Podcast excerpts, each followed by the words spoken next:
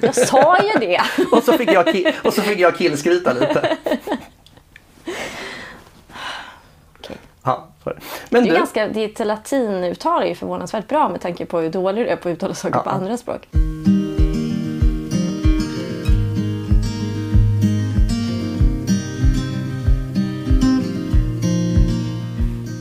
Jag tror att det vi började prata om, fast nu är det ju verkligen några månader sedan, var just det här att så här, träffa någon ny när man liksom redan har haft ett liv med en annan person. kom igen, säg uttrycket nu då. Nej men, Kom kan, igen vi, då. kan vi försöka Kom. hitta någonting runt det? Kan du säga det på latin? Men säg uttrycket först bara så vi kan få, kan vi, så vi kan få håna det lite. Mitt i livet. Ja, det är fruktansvärt. Fy fan. Men varför är det, Det- så hemskt egentligen? För att det är en sån jävla klyscha. Sådär. Jag vet inte om jag är mitt i livet. Jag vet inte om jag spelar liksom, du vet, i andra halvlek eller första halvlek eller om jag har börjat om eller något sånt. Det är bara, förstår du? Det, det säger Mm. ju vi kan ingenting. Vi kan, vi kan väl prata om, vi kan väl säga så här. När man har levt ett tag så är det ju en del saker som, här, man märker det ju inte riktigt när man är i det. Men sen någonstans så landar man typ, så, både du och jag har ju barn som börjar bli lite större nu. Framförallt dina, men mina också. Man har ju någon slags så här, först är man ung och alla träffar någon. Och så blir man ihop och så gifter man sig och så får man barn. Typ i den ordningen, ibland en annan ordning. Och sen så går man ju in i den här småbarns helvetesåren som på ett sätt är jättemysiga men som också är som en dimma. Man bara är skittrött hela tiden, man är typ, eh, du vet det är alltid så, man är uppe på nätterna, man torkar spyor, man byter blöjor, man, man steker pannkakor eller köper färdiga på ICA. Men det är som en dimma man kommer in i. Och sen när man kommer ur den där dimman någonstans när barnen börjar bli lite så här, ändå i skolålder och de börjar kanske gå hem till och från skolan själva och bör, liksom, så är det som att man bara, vad sjutton hände? Och så har man så här kompisar som inte har fått barn och de har bara så fortsatt gå ut, käka på restaurang, gå på teater, se band som spelar, hängt med i en massa grejer. Har odlat alla sina vänskapsrelationer. Man är på helt olika ställen för att man själv är typ som att man bara varit i ett mörkt hål Men är de, i tio år. är, är de mitt i 15 år. livet då? De är på en annan plats mitt i livet. Ja, verkligen en annan plats. Det är därför kanske uttrycket inte är så bra. Men vet du vad mitt största problem med uttrycket är? Det är att jag tycker att det är så ursäktande. Mm. Så här, vi, ursäkta att vi är medelålders och börjar om och vill vara lite tonåringar på vissa sätt och vill liksom ha, ha kul. Nej, jag bara tänker att det är... jag- Ja, jag vet inte. Jag bara tycker det är ett fjantigt uttryck. Men jag, det jag tycker är intressant är att man är så här, man är ju inte ung längre. Och det var ju ett tag sedan man var det. Men det är också det att man har typ lite så tappat kontakten med verkligheten och sen så kommer det tillbaka ju när man får lite mer tid. Och då inser man typ att man kanske inte har tagit så mycket hänsyn till sina vän, alltså vänskapsrelationer eller sin relation som man är i. Och det är väl också då ungefär som man inser att, att relationen kanske inte funkar. Nej men jag tycker överhuvudtaget att man kommer på så här, fan vilken obalans jag hade på olika saker. Mm. Eller att man kommer på sig själv med att kanske inte ha, hur, hur ofta man inte har varit sitt eget bästa jag. Så mycket. Att man, man blir Mm. Också ganska ett favorituttryck. Sitt eget bästa jag. Eller sitt bästa jag. Ja men det, det kan jag tycka om på något sätt. Därför att jag tycker att det är en så bra måttstock för hur man vill vara. Man vill vara. För att det handlar inte så här, jag, ska inte vara, jag kan inte vara en perfekt människa. Nej. Jag har så jävla mycket fel. Jag jobbar, för, eller jag tror mig jobba ständigt med det. Men jag tror ju att man får acceptera att man bara kommer så långt. Och då tycker jag mitt bästa jag är ett bra uttryck för att det är dit man ska sträva Ja, efter. men kanske. Men, fast det, det där är ju en sak som jag verkligen gillar med att bli lite, mer, lite äldre. Att man, man kommer ur den där dimman och man liksom är så här, oj, eh, massa saker har hänt som jag inte har hängt med på eller jag har tappat relationer. Men samtidigt är man ju också på en plats där man bara känner sig själv mycket, mycket bättre och är mycket, tycker jag i alla fall, mycket snällare mot sig själv. Att man, har, man lägger ner det där som man hade när man var ung, när man på något sätt trodde att man var tvungen att vara bra på allt. Och så, kan man liksom, och så har man lite, ändå lite mer pondus när man är lite äldre. Så att man kan också så här komma undan med att säga typ på jobbet, man bara Alltså det där är jag skitdålig på. Kan inte någon, bara någon annan göra det där? Jag är ingen bra på administration. Eller så här, det där, prata inför folk. Kan inte, bara, kan inte bara någon annan köra powerpoint? Eller måste vi ha en powerpoint-presentation? Jag tycker det är lite... Nej, det- Typ att man kan vara lite mer den man är. Man får vara det. Och det gör ju också att man... Och så inser man att det funkar och då blir man ju ännu mer trygg. Och så blir det någon slags positiv spiral i hur man, hur man mår. Och det är väl lite det som är också skillnaden när man träffar någon när man blir lite äldre. Att man kan gå in i så här, den relationen och inte vara så ha så mycket krav på sig själv att man ska vara någon slags perfekt partner utan what you see is what you get. Ja, men, ja verkligen. Men det där som du pratar om med ungdomen, det är så intressant för det finns sån dissonans mellan vem man tror att man måste vara och att man är ganska kass på saker som ung. Mm. Man, man är ju så otränad. Mm. Liksom så här, också, om vi ska fortsätta med så här spyuttryck, en oslipad diamant. Så är man ju verkligen där i ungdomen. Mm.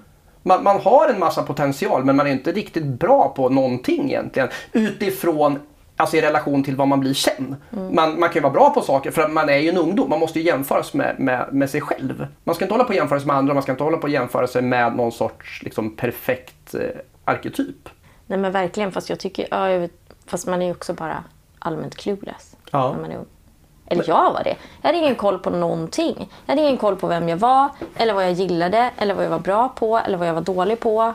Jag var bara clueless. Ja, och det kan man ju förstå. Att man, alltså det, kan man, det kan man ha en självinsikt om där. Mm. Men jag tror inte att man har självinsikten med att det är okej okay att vara det. Det är därför man är så nej, hård mot sig själv. Absolut, absolut. Men det är också därför jag kan tycka att det är konstigt att vi så här, i vårt samhälle har någon slags eh, romantisk idé av att man då när man är clueless ska hitta liksom, eh, sitt stora kärlek och någon slags perfekt matchning när man själv inte ens vet vem man är. Och jag tror att det blir lite så här, om man ska vara krass, så tror jag att det, är så här, det förväntas av en när man är ung att träffa någon och skaffa barn.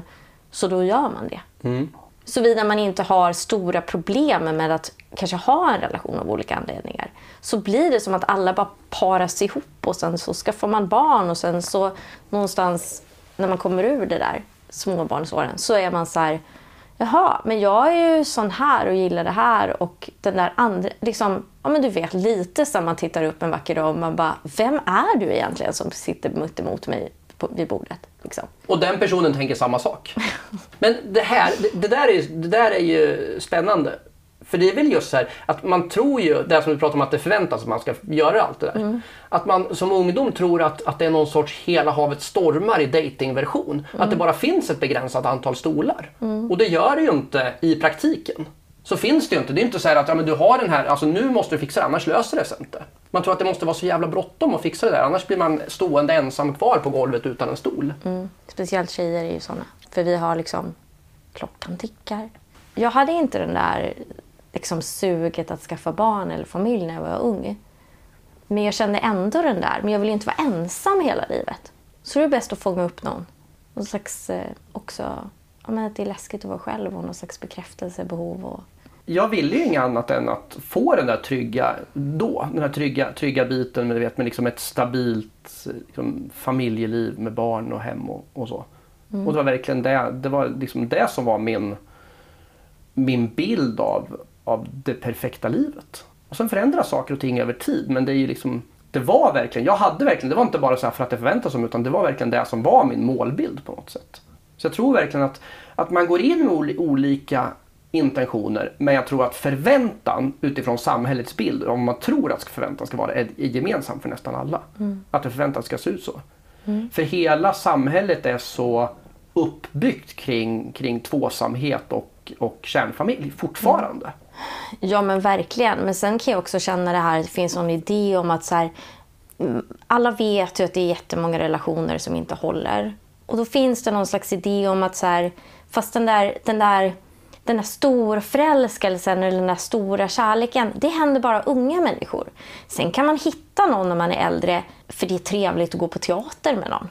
Det är trevligt att ha liksom en, ett sällskap och man kanske skaffar en liten hund och går ut med och det är trivsamt.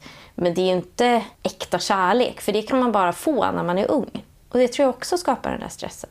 Mm. Att man på något sätt tror att så här, det är där och då det ska hända. Liksom. Alltså jag har träffat väldigt få människor som har eh, separerat när man är liksom mellan 40 och 50 och så tänker man att ja, men jag kommer lätt hitta någon ny som jag verkligen älskar. Utan man, man utgår ifrån, nu kommer jag vara själv resten av livet. För jag vill ju inte ha någon gubbe bara för att ha en gubbe.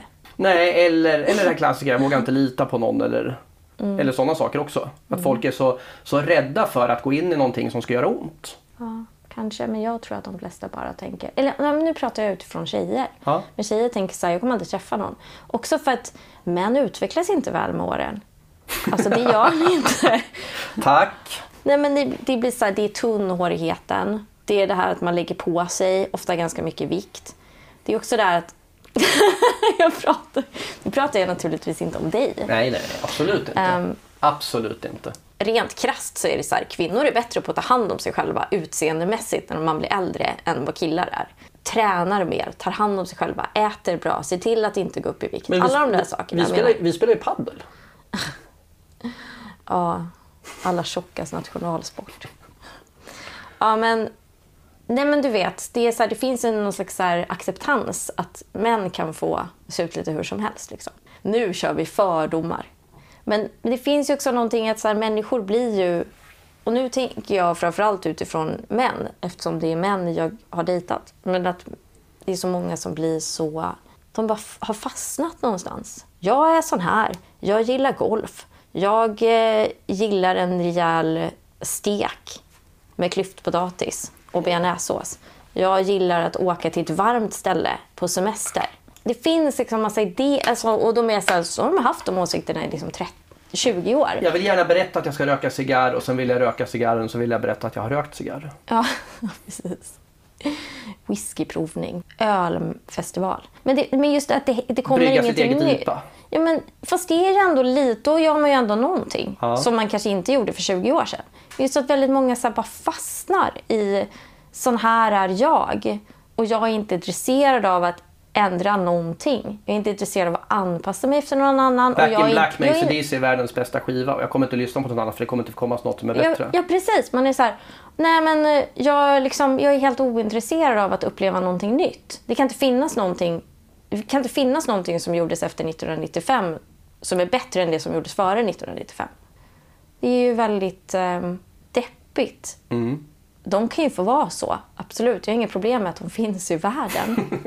Men man vill ju inte hänga med sådana människor. Det där är väl den egenskapen som är mest attraktiv hos människor generellt sett. Kanske förutom att människor, förutom möjligtvis då egenskapen att någon sorts grundläggande rimlig människosyn. Men efter det om vi pratar om attribut så är väl nyfikenhet är väl någonting. Humor brukar alltid hålla högst men nyfikenhet är fan så otroligt viktigt. Det är det jag kan känna att väldigt många människor har tappat någonstans i... Så de kanske var så när de var unga, men någonstans runt 50 så kommer det där bara... Jag tror det kommer tidigare. Nej, men jag vet inte. Men, men också det här att, att folk kan börja vara så...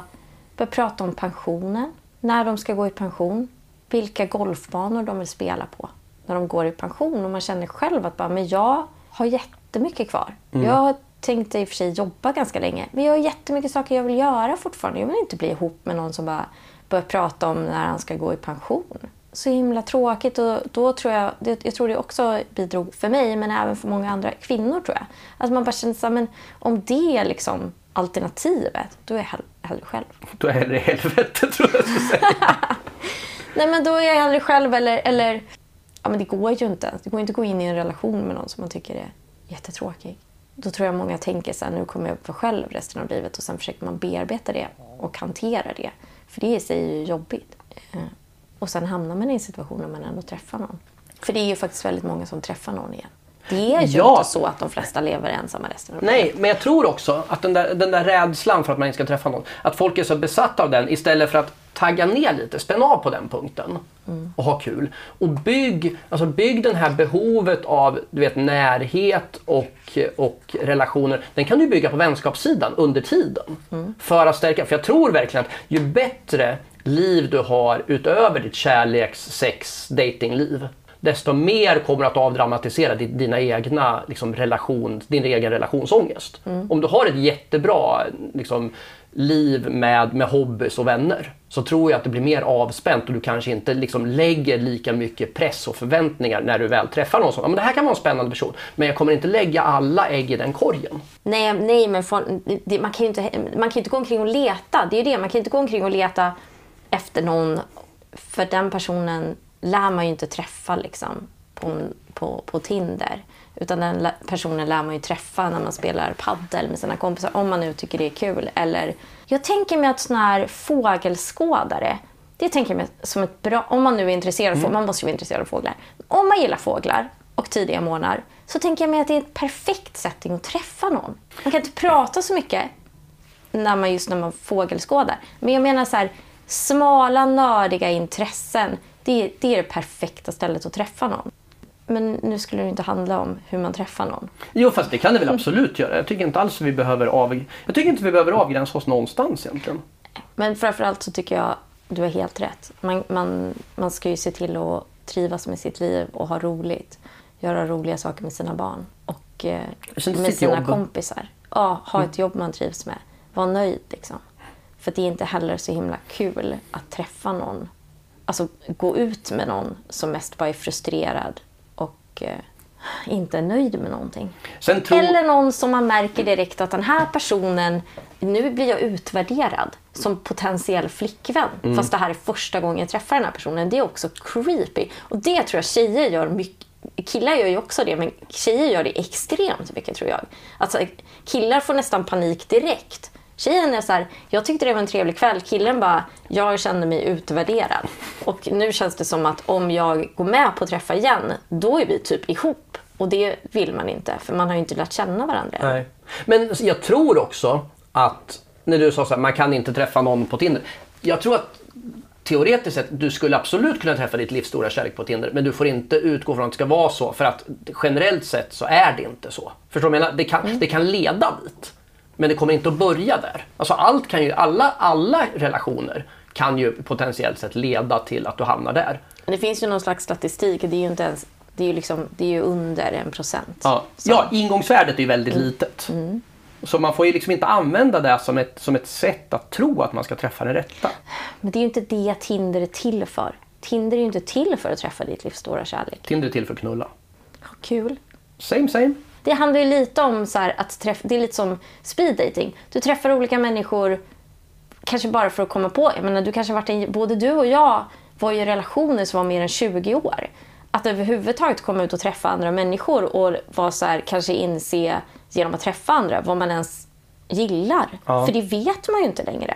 Nej, Eller för, man, för man liksom- är ju en annan människa än när man gick in i den första relationen också. Ja, och man kommer ju inte ens ihåg liksom, hur det är att gå in i en ny relation. För man har ju varit i liksom 10 plus år i det där när man säger skit på dig till den andra personen.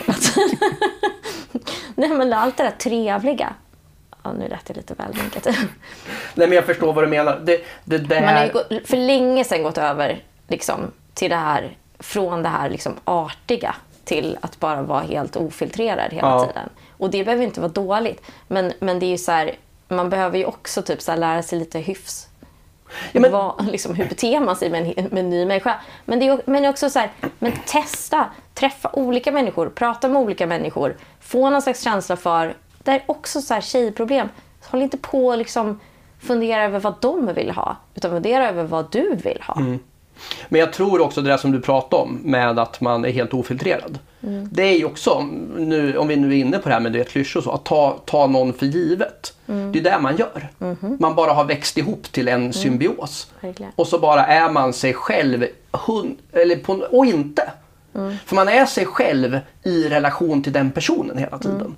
Och, och blir verkligen det här som jag pratade om, sitt bästa jag. Mm. Det är man ju inte för man är bara jag i, utan någon sorts ansträngning. Man anstränger sig inte. Mm.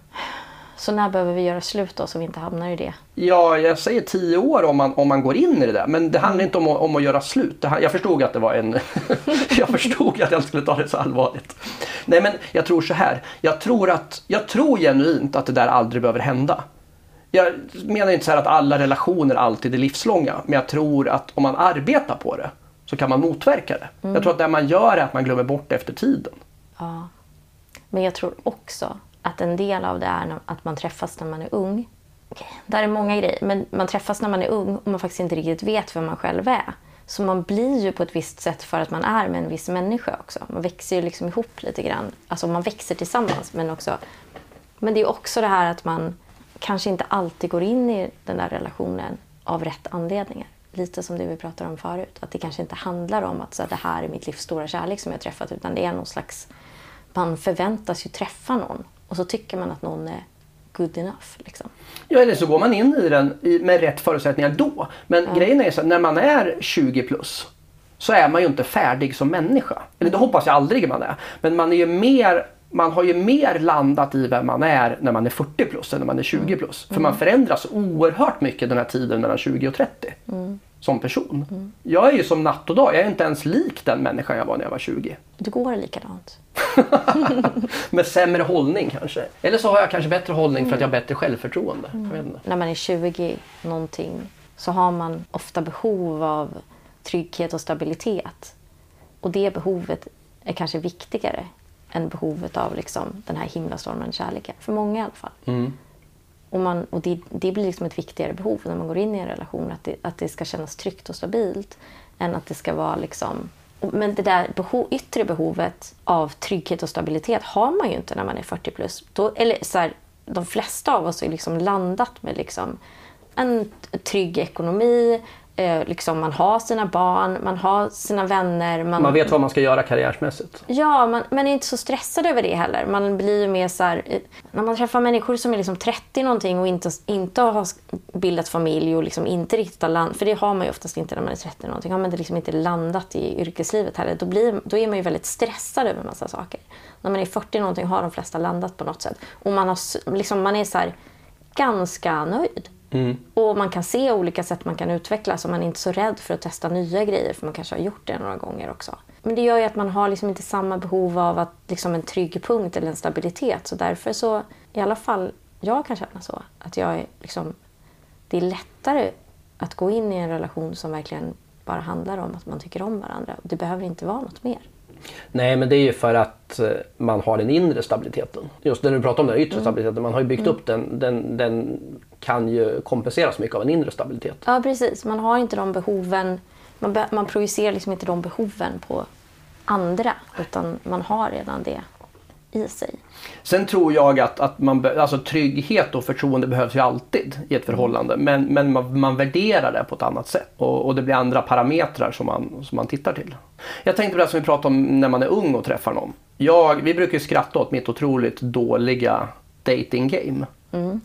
Och jag lägger så mycket tid på att analysera varför det var så. Jag har varit så här, vet, typ så här, men ibland så gömmer jag mig bakom koketterande med att här, jag har diagnoser. Och ibland så är det så här, jag hade så dålig självkänsla.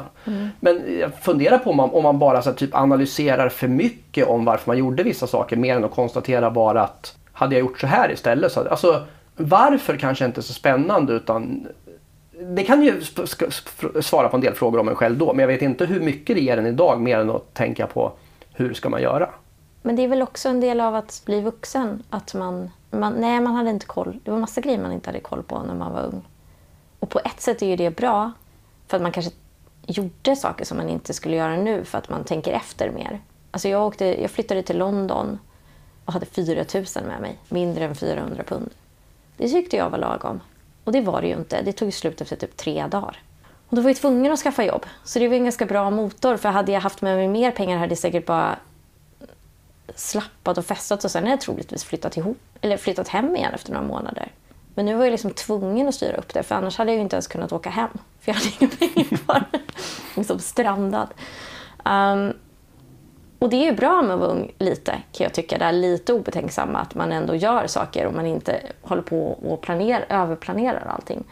Men, men det här att man, inte, att man inte fattar i situationer, att man tror... Ja, men du, du var ju hopplös för du fattade ju inte när tjejer var intresserade. Eh, Jag var ju typ lite samma också. Jag tänkte ju typ att killar drev med mig om de stötte på mig. Jag bara, men sluta fjanta dig. Det är ju roligt att skratta åt nu. Men det är ju också någon slags del av ens eh, utveckling. Ja, absolut.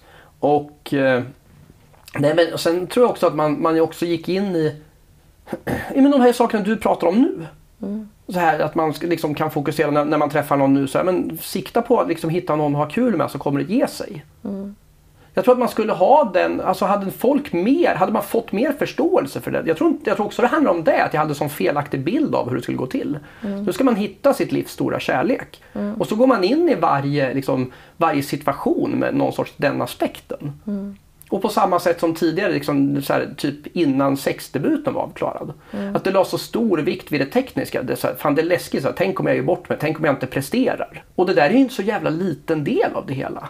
Jag tänker att träffar man någon person som man gillar så man är, man är så fokuserad på jaget och sig själv. Mm. Så man säger, jag är svindålig men jag kommer bara träffa en massa människor som har svart bälte i sex. Och så funkar det inte. Det är två, ofta, ofta så är det två ganska osäkra människor som träffar varandra och har man förtroende för varandra kommer det där lösa sig. Men den stora biten är den här hur bygger man förtroendet för varandra? Mm. Och hur går man in på de premisserna som är rimliga? För man gick in med så otroligt orimliga förväntningar i alla situationer. Ja, men kan, vi backa? Kan, kan du berätta om um, vår gemensamma vän från förr i tiden? Vi... Or did she? Ja, nu ska jag försöka att inte dra den här historien med massa irrelevant information som folk inte behöver. Mm. Eh, vi hängde i samma studentkretsar, mm. du och jag och den här människan och en massa andra människor. Det var någon fest och hon dök upp till mig. Vi, vi var typ kompisar som man var. Man, ganska så fly, alltså flytande förändrande kompisrelationer. Mm. Men vi var kompisar och det hade liksom inte hänt någonting. Mm. Och det fanns inget Inget intresse mig veterligen. Och sen så sa hon så här. Jag har blivit utelåst från vår Hon delar lägenhet med en tjejkompis. Mm. Jag har blivit utelåst och tjejkompisen har eh, borta med nyckeln. Det här var ju pre-mobilernas tid. Mm. Nästan, det fanns mobiler men nästan ingen av oss hade dem för man hade inte råd att ha en mobil. Mm. Så hon har blivit utelåst och de hade ju en telefon hemma. Så hon, hon visste så liksom att eftersom kompisen är på stan kan hon ju bara nå kompisen när kompisen väl är hemma. Jag hade landlina, alltså fast telefon mm. hemma. Så hon var så här, kan jag hänga med upp till dig och hänga lite? Kan jag ringa och kolla om kom Ja, absolut. Så vi, vi hängde där och sen så bara typ vad man gör nu, kanske tar någon öl och lyssnar på musik. Och sen säger hon så här, jag är så jäkla trött, jag går och lägger mig. Så absolut, så sängen är din. Så hon klär av sig alla kläder utom underkläder, trosor och bh och kryper ner under mitt täcke. Och jag sitter kvar där i fåtöljen. Och hon... Pratade ni då? Kanske lite stelt kanske. Något sånt där. Så hon verkade vilja sova. Och sen efter en stund säger hon så här, men det är helt okej, du får plats du också, jag ska inte ta din säng. Typ. Så jag tar av mig kläderna utom kalsongerna och mm. lägger mig som man gör. Under täcket? Under täcket och mm. ligger där. Med en tydlig luftspalt mellan. så det är inte liksom så här, jag måste bara så här friskriva mig från allt metooande här. För det hade ju inte hänt någonting och hon hade ju inte sagt att hon var intresserad. Så ligger vi där och tittar upp i taket. Sen efter en, en timme så säger hon, nu är nog min kompis hemma. Så reser hon sig upp och klär på sig och går. Men ingen av er somnade? Nej. Och så gick hon. Och jag tänker, vad fan var det där? ja. Varför sa hon inget? Eller konstigt. Nej, Varför det... blev hon så trött? Det... det... Fast det där är ju, det vet jag ju nu, tror jag. Att folk säger ju inte så jävla ofta vad de tänker sig ska hända. För då blottar man ju sig själv. Ja. Man, man, vill ju testa lite. Vad händer om jag gör det här? Vad händer om jag sätter mig ja. närmare? Sätter sig den andra personen närmare också då? Om jag tar på den andra personen, tar den personen på mig då? Sen kan jag kanske känna att hon kanske inte heller var så bra på att hantera den här situationen. Hade hon tagit på mig där hade det nog hänt saker. För hade hon, men hade hon bara varit trött så hade hon ju antingen somnat och troligtvis var, då hade hon inte tagit av sig kläderna. Då hade hon bara lagt sig ner och bara, men kan jag lägga mig ner i din säng lite för jag är trött? Och då hade hon troligtvis somnat med kläderna på. Där att hon tog av sig kläderna och sen också tyckte att du skulle gå och lägga dig också. Men ändå så var det inte som att ni somnade och bara so hon bara sov över. För det hade hon ju kunnat göra. Det gjorde man ju hela tiden. Man sov ju över hos folk. Hon kanske ville att du skulle säga är det okej att du sover över? Eller ja. det är okej om du bara sover över här idag. Men det känns ju inte så. Det känns ju som att hon ändå kanske ville någonting annat. Så här i efterhand så kan jag ju se det. Jag förstår hur du tänker. Ja. Men, men det där är ju symptomatiskt för jag. Och jag har ju alltid tänkt sådär, det där är ju så, för att jag är så dålig på att, att läsa signaler har jag tänkt. Mm. Och, och gömmer mig bakom det här att jag skulle vara annorlunda. Och jag vill ju ofta gärna utmåla mig som mer annorlunda än vad jag är tror jag. Mm. För att det skyddar mig från men på något, jag vet inte, på något sätt så På något sätt om jag säger att jag är annorlunda så blir det mindre awkward på något sätt. Kanske. Jag tror inte att det har någonting att göra med att du är dålig på att läsa signaler. Jag tycker inte du är det för övrigt. Jag tror inte det har någonting att göra med dålig självkänsla heller. Jag tror det är en kombination av att du var inte så intresserad av just den här tjejen. Du var lite korkad. Ja. Och oerfaren. Fast jag tror att du får nog spela in dålig självkänsla. För jag hade nog hela tiden i huvudet liksom att vem, vem kan vara intresserad av mig sådär det vore helt orimligt att det kommer in en person som jag då ändå tyckte liksom var... Liksom... Men o, att man är oerfaren tror jag spelar in mer. För dålig självkänsla kan man ju fortfarande ha ibland.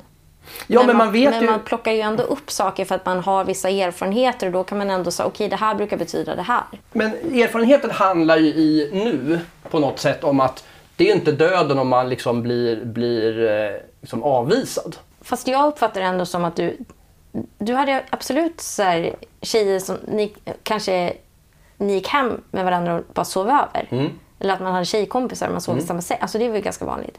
Men det jag, det jag undrar över är varför blev det så himla stelt? Men den här tjejen, Du verkar ju blivit väldigt nervös när hon gjorde sådär. Det är ju ganska intressant. jag tror så här, hade det varit, det fanns ju en liten grupp med, med tjejer i det här gänget som jag var närmare. Som jag, hade liksom, som jag kände mig trygg med på ett annat sätt. Och liksom, utan att det var någonting. Men du vet som jag verkligen var så här, men de här människorna som du, du brukar säga så här, det kan vi också återkomma till, att jag var ganska flyktig på den här tiden. Det var svårt att få grepp på. Men jag hade ju ändå en trygghet med er. Dig och du vet ju liksom, eh, liksom tre, fyra olika tjejer som liksom så här.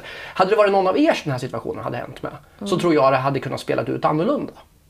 För att vi, den här tjejen och jag hade inte den relationen. Hon, var, hon och jag liksom connectade inte på det sättet. Och då blev det konstigt när hon, hon gör någonting som, se det som, nu blir det jättekonstig analogi här, men se det som ett schackparti. Om hon gör ett drag som jag inte alls förväntar, sig, förväntar mig, så har jag inga motdrag på det. Jag hamnar i en situation så här, jag vet inte vad jag ska göra i det här läget, för jag, liksom så här, jag har aldrig kunnat relatera till den här situationen. Medan om, om en person som jag verkligen liksom tycker om och känner jag är trygg med den här människan. Om hon lägger sig så här, ja då kanske man liksom hade i alla fall kunnat börja med liksom ligga lite närmare eller prata eller, eller kunna skratta och så här. Oj, det här har jag inte... Alltså kanske du vet avdramatisera genom en kommentar. Jag hade inte räknat med att vi skulle hamna här till exempel. Men här blir det bara så här, vet, vet inte vad man ska säga i det här läget. Ja, men sen ska man också säga att den här tjejen uppfattar jag som också väldigt osäker. Att hon kanske inte är den bästa på att så här, heller förstå Min- min- hur min- man ska... Nej, men, eller hur man beter sig. För jag vet, ingen av oss vet väl vad hon tänkte. Men, men det var ju liksom... Ja, jag fattar ju det där när någon gör någonting helt oväntat. Men det var ju som när jag träffade på såna killar som skulle komma med såna raggningskommentarer. Det var så, o- jag förstår nog fortfarande inte riktigt vad, men om de faktiskt försökte stöta på en eller om de bara... Jag uppfattar det som att de bara drev med en. Dels var det en kille som alltid kom med såna, liksom, alltid var väldigt så här på. Och jag fattade verkligen inte. Jag var bara så här, men lägg av, sluta fjanta dig. Men jag hade också en, en kollega under en kort period som kunde säga såna här saker som himlen måste sakna en ängel. Man bara, va? Är du seriös? Vilket jag också tog bara som så här, men skärp dig. Men det är ju Vad fan håller du på med? det värsta med de kommentarerna. Det är så här, jag, då har ju du sagt att jag är en hopplös romantiker. Men de värsta med de där kommentarerna är att de inte är äkta. De har ju bara läst dem. Det är ju såna jävla carpe diem-kommentarer. De betyder Ja. ju ingenting. Nej, men vad, nej, de betyder ju ingenting. Din pappa varför- måste ha varit en tjuv-grejen. Men varför säger man sådana saker? Vad, vad är syftet? Alltså jag tror aldrig jag kommer förstå syftet. Är det liksom bara att man faktiskt har jätt, jättemycket problem med att, att visa in, att man är intresserad av någon och då använder man det för att försöka visa intresse och så blir man bemött av typ Ja. så, men vad fan skärp dig. Jag tror att det där är tusen röda rosor-grejen. För att man bara säger det här är det starkaste jag kan vara med, liksom, som jag kan plocka ur mig. Medan de inte förstår att det är mycket starkare att säga någonting som kommer direkt från ditt hjärta även om det är lite liksom, dåligt filat på. Ja, Så det, så det, men återgå till den här tjejen som jag, som jag var med. Så tror jag hon måste ha varit lika clueless som mig alltså, när hon gjorde det där. Inte, inte när hon gjorde det utan för att det är en reaktion. Hon kan inte liksom så här, hon måste tänka så här, ja men det här borde verkligen Alltså hon måste, hon måste verkligen tyckt att, jag var, att hon var fullkomligt, alltså jag, att jag tyckte att hon var fullkomligt ointressant. För att jag reagerade så konstigt. ja, jag hade nog fattat om en kille hade gjort så. Lagt Ja. sig i min säng under täcket med bara underkläder på. Så Ja. hade jag nog fattat att det var Sen menar inte jag givetvis, det, det är ju liksom Det är klart att det inte behöver leda till någonting för man kan ju också bara så här, konstatera så här, "Men det här är inte intressant. Men det var inte där det handlade om i det här fallet. Nej. Utan det handlar ju bara om att vi var på så sjukt olika våglängder i, vår, i våra beteenden. Men jag tror så här 25 år senare att bägge två hade nog liksom inte haft något problem om outcomen hade blivit att vi hade haft sex där. Men hur skulle du reagera nu om någon gjorde exakt samma sak? Skulle du bli lika förvirrad då? Nej. Då skulle jag ta det som en invit. Jag, jag menar inte att jag skulle ta inviten, men jag skulle ta det som en invit. Men jag vet ju, jag skulle ju kunna känna igen en invit och även om jag, skulle säga, jag tror att det är en invit. Jag har ju tillräckligt mycket, där vi pratar om vet, att det är inte så farligt att bli avvisad. Jag, skulle, jag har ju så här självkänsla eller självförtroende nog att kunna säga så att du, jag kan inte läsa den här situationen. Har jag förstått det rätt? Och sen kanske framstå som att jag över... För jag tycker om att överuttrycka saker. Men jag har inget problem för det är jag. Men jag skulle nog kunna hantera det så att jag faktiskt försökte liksom klargöra vad är det vi håller på med här egentligen. Och det är ändå bättre tycker jag än att det bara blir jävligt konstig stämning. Absolut. Men, men den, där, den där kommentaren från, från den där killen med änglar. Så tror jag verkligen att det handlar ju också mycket om att de inte har den där självinsikten. På något sätt tycker jag att man kan dra någon sorts konstig parallell till folk som säger att Ondskan är den bästa bok som har skrivits eller typ eh, Nyckeln till frihet är den bästa film som någonsin har gjorts. Det är för att man inte har någon benchmark mot det. De här människorna har ju ingen benchmark på vad som är rimligt liksom, du vet, beteende i en romantisk eller en invitsituation. Vet inte, det där, det där funkar inte. Men, nej, Som- men jag fattar inte heller vad det är. De, alltså, tror du att det är på riktigt är någon slags försök att flörta? Ja, jag, menar, så jag tror ju att den reaktionen de vill ha, som de aldrig får. Den, liksom, det, det, det är ju den här reaktionen att du ska tänka så här, åh jävlar vilken romantisk kille. Det är, så, som man är övertygad om att det är den reaktionen de vill ha. Vilket, eh, vilket man kan tycka är obegripligt för de kommer aldrig att få den annat än om de hittar en fullkomligt liksom så här, oerfaren och naiv person som inte har varit med om någonting. Och förhoppningsvis inte ens hört uttrycket tidigare. Och sådana människor finns ju nästan inte. Det är så oerhört sällsynt. att. Det är ju liksom en Nigeria-brevschans här. Liksom. Men det är min gissning att det är det som är hans, hans syfte med det här. Det är intressant. Men jag tror i alla fall inte oftast att... Jag menar, jag kan också känna så här... Självkänslan spelar ju in när man är ung. Absolut. Att man tänker så här, men det är klart ingen... Alltså jag, jag avfärdade ju massa saker för att jag var bara så här, men det är klart att de inte är intresserade av mig. Men jag tror inte att det är det egentligen. Jag tror det är bristen på erfarenhet. Alltså att man inte kan läsa vissa situationer för man har inte någon referensram.